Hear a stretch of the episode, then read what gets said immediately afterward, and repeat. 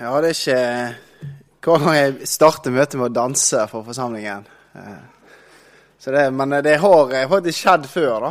Eh, Det har det. Jeg har jo jeg fortalte det i går, at jeg ikke vokst opp i en, en kristen heim. Jeg har ikke vært kristen så lenge. Så jeg, så jeg kan ikke de her bevegelsene til barnesangene og sånn. Sånn som så, ja, folk som har gått på søndagsskole og sånn, kan. Så jeg har reist litt i lag med en uh, venn og kollega, Torgeir Skrunes. Så, så han syns det er veldig festlig da, å rope meg fram til å gjøre bevegelsene til barnesangene. Uh, så det, det var ikke ukjent farvann jeg sto her framme. Men det, det regner jeg med dere så. Uh, var i mitt rette element. Ja. Men jeg har lyst til å, jeg har lyst til å bare si tusen takk for at dere har lånt ørene deres til, til meg nå denne uka. Eh, Jeg syns det har vært eh, utrolig kjekt å få være her eh, sammen med, med dere. Eh, Og så eh, må jeg bare si det. eh, Vi kommer til å dra ganske kjapt eh, etter møtet, så, eh, så det har vært ras i Sørkjosen, så vi må kjøre via Finland og sånn for å komme opp igjen til eh, Alta. Eh, så da så må jeg med første fly til Oslo i morgen, så da blir det veldig eh, blir seint og tidlig opp.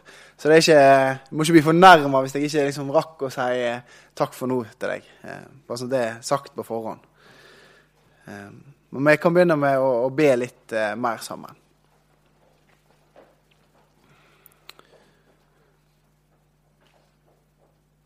Herre Jesus, jeg takker deg for at du er her sammen med oss nå. Jeg ber deg at vi skal få erfare at du er her. Herre, må du stige ut av ordet ditt og komme oss i møte. Gjøre ordet ditt levende for oss. Da ber vi deg om. Så ber jeg deg om hjelp, Herre, til å legge ut ordet ditt på en rett og sann måte. Og Herre, hjelp oss alle til å høre ordet ditt på en rett måte. Ta det til oss på en rett måte, og la det bli liv for oss. Det ber vi deg om. I Jesu navn. Amen. Da eh, skal vi ha ett vers som utgangspunkt i dag. Det står i 2. Timoteus brev, kapittel 1 og vers 1. Det var 2. Timoteus eh, kapittel 1 og vers 1. Ja. Kan vi lese det i Jesu navn. Paulus, Kristi Jesu apostel, utsendt ved Guds vilje for å forkynne løftet om liv i Kristus Jesus. Forkynne løftet om liv i Kristus Jesus. Jeg syns det er så flott, det uttrykket der. Eh, Når Paulus eh, skriver disse ordene til eh, Timoteus, så sitter han i fengsel. Det ser vi lenger ned i samme kapittel, her, i vers 8. Um, Skam deg da ikke over vitnesbyrd om vår Herre, og heller ikke over meg, som er fange for Hans skyld. Så Paulus sitter i lenke um, og venter på å dø, egentlig. Han venter på å bli henrettet. Og Da syns jeg det er så sterkt å lese det som han skriver der i første verset. Han er utsendt for å forkynne løftet om liv i Kristus Jesus. Og så sitter han og venter på å dø. Og det, det gir jo ikke mening med fornuften, egentlig. Men det er jo det er sånn det er. Ordet om korset, det er en dårskap for de som går fortapt. Det kan ikke gripes med fornuften, bare ved troen. Ordet om korset det er en dårskap for de som går fortapt, men det er en Guds kraft til frelse for de som tror. Han sitter og venter på døden. Paulus eh, har lyst til å bare eh, synes det er Veldig glad i kontraster. da. Eh, så jeg syns det er litt tøft å bare se på, på bakgrunnen til Paulus. Mange kjenner sikkert godt til det, sånn, men jeg syns det er fint å bare ta det fram. Eh, hvor han kommer fra, bakgrunnen hans. Eh, han, var jo en, en fariseer. Eh, og vi kan bare bare se litt i Filippabrevet kapittel 3. Der, der lister han på en måte opp sine meritter. da. I Filippabrevet 3 og fra vers 5 så, så skriver han at om, om, noen har noe å vise til sånn i det ytre, så har jeg det enda mer. Og så fra vers 5 og videre der, så lister han opp på en måte merittene sine, det, det, som han har å vise til sånn ytre sett. Om det var det det kom an på. Eh, og så skriver han eh, Jeg er omskåret på den åttende dagen eh, av Israels folk, Benjamins stamme, en hebreer av hebreere, en lovlydig fariseer og en brennende ivrig forfølger av kirken. Så uh, syns jeg det er veldig sterkt. Leser apostlærlingene 7, 8 og 9. Eh, første gangen uh, Paulus uh, dukker opp er helt på slutten av apostlærlingene 7, når Stefanus skal bli steina til døde. Og så står det at, at de som skulle steine han, de la kappene sine ved føttene til en ung mann ved navn Saulus. Og kapittel 8 begynner med at at Saulus var enig i mordet på han. Han var enig i at de tok livet av en annen mann. Fordi at han forkynte Jesus, så var han enig i at de tok livet av han. Og så blir han aktivt med i forfølgelse, bryter seg inn i heimene til folk og sleper ut de kristne og setter dem i fengsel. Og så skal han en dag til Damaskus. Han har fått med seg eh, ordre fra øverstepresten om at han kan eh, dra der til å finne kristne og, og dra, de med, dra, de med, seg tilbake til Jerusalem og sette de i fengsel. Og så blir han møtt. Og et voldsomt lys. Og så hører han en stemme. Saul, Saul, hvorfor forfølger du meg? Hvem er du, Herre? Jeg er Jesus, han som du forfølger. Så blir han møtt av Jesus der. Og etter noen dager i, som blind så kommer en disippel, Ananias, og legger hendene på han, og han blir døpt. Og så går han rett i synagogen og forkynner at Jesus er Messias. Han er frelseren. Så blir han som var en ivrig forfølger, plutselig en etterfølger. En forkynner, en Guds tjener. Blir snudd opp ned. Eh, han begynner å forkynne løftet om liv i Kristus, Jesus. Og så eh, kan vi bare lese fra 2. Korinterbrev kapittel 11. Um,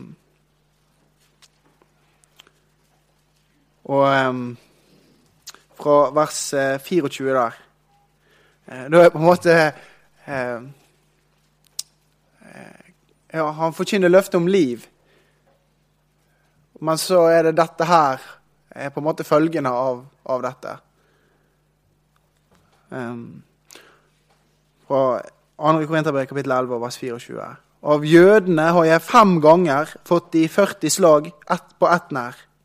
Tre ganger er jeg blitt pisket, en gang steinet, Tre ganger har jeg lidd skipbrudd, og jeg drev en gang et helt døgn rundt på havet. Stadig har jeg måttet reise omkring i fare på elver og i fare blant røvere, i fare blant landsmenn og i fare blant utlendinger, i fare i byer, i fare i ørken, i fare på havet og i fare blant falske søsken, i slit og strev, ofte i nattevåk i sult og tørst, ofte fastende og uten klær i kulden. Han var utsendt for å forkynne løftet om liv. Men det ser ikke ut som det var helt livet, dette her. Og nå sitter han da i, i fengsel når han skriver dette brevet til Timoteus og venter på døden. Disse ordene som han skriver der til Timoteus, de mest sannsynlig så er de ført i pennen fra ei kald og fuktig romersk celle. Og Så sitter han og venter på at han skal bli halshogga.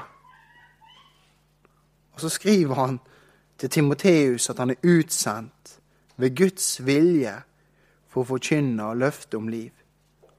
Han veit at han snart skal henrettes. Og så Allikevel så, så holder han fast til det. Løftet om liv i Kristus Jesus. Og Så er det utrolig eh, stilig å lese vers 7 her òg, i 2. Timoteus. da. Eh, altså Det er han som sitter i fengsel, som venter på døden, som skriver til sin unge medarbeider som er fri, og som på en måte har livet framfor seg.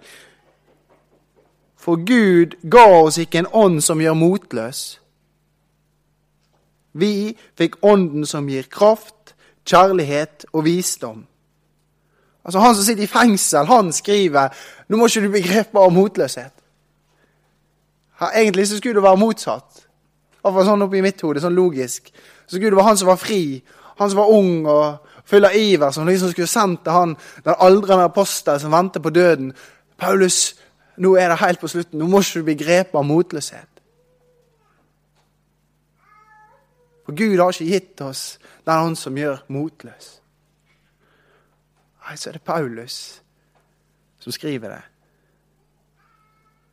Eh, som oppfordrer til det. Og det eh, kan jeg få lov å si til dere òg. Bli ikke grepet av motløshet. Bli ikke grepet av motløshet selv om ting bytter imot, sånn som vi hørte om i åpning. Og Gud har ikke gitt oss motløshetens ånd. Han har gitt oss den ånd som gir kraft, kjærlighet og sindighet. Paulus han løfter blikket ut og vekk ifra omgivelsene, fra cella han satt i, og til Jesus.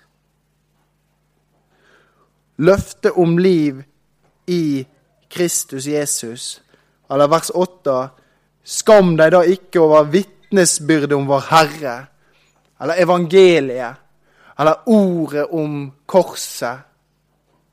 Dette er alt ett og det samme. Det er det som gjør at Paulus kan være så frimodig. Selv om han sitter i lenke, i trengsel, i møte med døden, så er det dette ordet, dette løftet, som gjør at han kan være så frimodig vitnesbyrd om Herren, løfte om liv. Paulus trodde på det som han forkynte. Han eide dette løftet sjøl. Og Da klarer han å se vekk fra omgivelsene. Og Så får vi da en, en utgreining om dette fra vers 9 her, og litt videre. Vi kan se litt på det. Eh, da skriver han eh, Han, altså Gud, har frelst oss og kalt oss med et hellig kall. Ikke på grunn av våre gjerninger, men etter sin egen vilje og nåde, som er gitt oss i Kristus Jesus fra evighet av. Jeg syns det er så tøft, det der. Han har frelst oss og kalt oss. Og så begynner Paulus med å vise hva Gud ikke har lagt til grunn. Ikke på grunn av våre gjerninger. Og Det tror ikke jeg er tilfeldig. Det er fordi vi har så fort for å prøve å legge noe til grunn. Gjerninger eller andre ting. Men det er ikke på grunn av våre gjerninger. Men etter sin egen vilje og nåde, som er gitt oss i Kristus Jesus. Ehm, nå, eh, eh, Med en gang vi flyttet opp til Alta, så eh, hadde jo ikke venner. Han var Ruben venneløs, om du vil. Og har masse energi til overs. Så min stakkars kone, når hun kom hjem fra skoledag, trøtt og sliten, så var jo jeg gira. og ja, Sto kanskje på kjøkkenet og triksa med en fotball. og ja, Tror hun ble ganske irritert, egentlig. Ehm, og så eh, Heldigvis så eh, ja, ble jeg kjent med folk. Eh, det var bra. Eh, så er det en sånn gjeng som jeg spiller fotball med da, en gang i uka. Eh, eh, ja. Veldig, veldig kjekt. Fra åttende klasse oppover. Litt sånn sosialt og mulighet til å få vitne litt og sånn. Og så er det en kar som bor litt bortenfor oss. Så det passer seg sånn at jeg, at jeg henter han, og så sitter han på med meg, og så til og fra. Eh, og det har jo kanskje noen her merka òg, at, at jeg, jeg, spør masse og graver kanskje av og til litt for uh, masse. Og det er i hvert fall han gutten her fått erfare. da. Eh, så jeg spør liksom om alt mulig når vi kjører. Og så var på vei hjem fra fotball eh, her en dag, så, så spurte jeg han hva, eh, hva skal du gjøre på nå når du kommer hjem, da? Da, da skal jeg bare rett til det som jeg elsker nest mest her på jorda. Så jeg bare, ja, ja, hva det du elsker nest mest? Det er senga. Ja. Så jeg bare, OK. Ja, ja, men nest mest, sa du? Hva, hva, liksom, hva du elsker aller mest, da? Det er kjæresten. Så jeg bare, ja, OK. Ja, kult. Ja, hvor lenge har dere vært eh, kjærester, da? To og en halv, to og en halv uke. Som eh, Ja, OK. Så jeg bare Wow, altså. Elsker du hun, altså? Ja, ja, han, ja, jeg elsker hun. Så, ja, Det var noe voldsomt eh, flott. Men vet du, vet du, egentlig hva det betyr å elske? Kan ikke du fortelle meg? Så, så det var jo eh, eh, Men det, det åpna seg en, en, kjempeflott mulighet til å få vitne.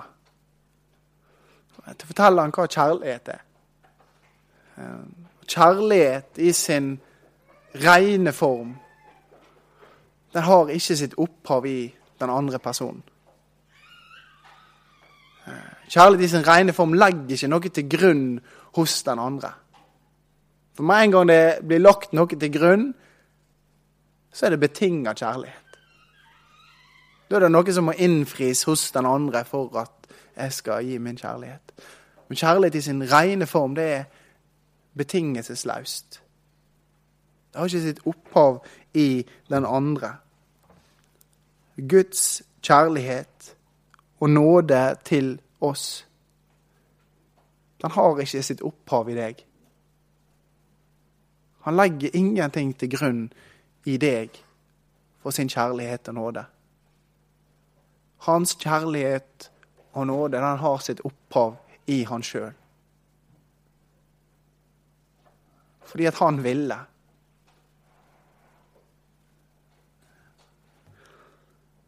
Den har ikke sitt, sin grunn eller sitt opphav i hva jeg kan gjøre eller være. Ikke engang i hva jeg kan bli. Guds nåde og kjærlighet til deg, den har sitt opphav i Han sjøl. Det er en kjærlighet som gir, uten betingelser og uten krav. Og Det er veldig flott når vi leser noen av disse her kjære versene i Bibelen, så ser en det. At Guds kjærlighet er en kjærlighet som gir. For så har Gud elska verden at han ga. Det står ikke noe om krav der. Det står bare at han ga. Og han ga sin egen sønn. Sånn at hver den som tror på han, ikke skal gå fortapt, men har evig liv. Han har frelst oss og kalt oss med et hellig kall.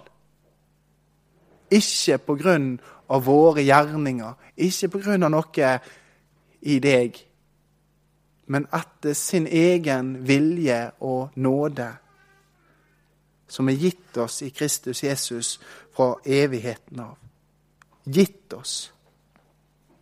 Og så står det videre der i 2. Timoteus brev, vers 10, om denne nåden som er gitt oss, og som nå er blitt åpenbart ved at vår Frelser, Kristus Jesus, kom til jord. Og han har gjort ende på døden og ført liv og udødelighet fram i lyset ved evangeliet. Han har gjort ende på døden og ført liv og udødelighet fram i lyset ved evangeliet. Jeg får så lyst til å sitere Jesu ord fra Johannes 11, Når han møter disse sørgende søstre, og Lasarus er død, og så sier han 'Jeg er oppstandelsen og livet'. Og den som tror på meg, skal leve om han enn dør. Jesus sier det. 'Jeg er oppstandelsen og livet'. Vår frelser Jesus han så det ikke som et røvet bytte å være Gud lik. Han steig ned som et menneske. Og levde det livet som vi aldri klarer å leve. Et fullkomment liv. Et liv som til punkt og prikke oppfyller det Gud krever meg og deg. Guds krav til rettferdighet. Det har Jesus oppfylt. Han nytter det ikke med våre gode gjerninger. Ikke engang en lovlydig fariseer som Paulus nådde opp her. Jesus sier det sjøl òg i Matteus 5,20. Ja, jeg sier dere, dersom ikke deres rettferdighet langt overgår de skriftlærdes og fariseernes, kommer dere aldri inn i himmelriket. Du må ha en rettferdighet som langt overgår de skriftlærdes og fariseernes. Den rettferdigheten er bare å finne én plass. Hos Jesus. Hans liv er det eneste som oppfyller Guds krav til rettferdighet. Hans liv er det eneste som oppfyller det som Gud krever meg og deg. Og han har gjort ende på døden ført liv og udødelighet fram i lyset ved evangeliet. Han levde det liv som vi aldri klarer å leve. Man skulle ha levd. Og han døde den død vi skulle ha dødd. Under Guds vrede over synden. Og ved det så gjorde han ende på døden og førte liv og udødelighet fram i lyset ved evangeliet. Den som tror på meg, skal leve om han enn dør. Det var dette Paulus visste når han sitter her i fengselscella og venter på å bli henretta, venter på døden. Så visste han det. Og så skriver han um, For dette, i vers 11 For dette, dette som jeg har lagt ut nå, for dette er jeg satt til herold, apostel og lærer, og derfor er det jeg lider men jeg skammer meg ikke, for jeg veit på hvem jeg tror. Paulus kjente han som han trodde på. Han kjente han som han forkynte. Han stolte på disse løftene. Han eide det han forkynte sjøl. Og derfor kunne han skrive som han gjør, i fengsel, med lenke og i møte med døden. Helt til slutt eh, Hvis vi går tilbake til eh, Edens hage Bare se det for oss eh, perfekt. Alt er i harmoni. Mennesket lever i samfunn med Gud, lever i det som de er skapt til. Og det yrer av liv på alle kanter.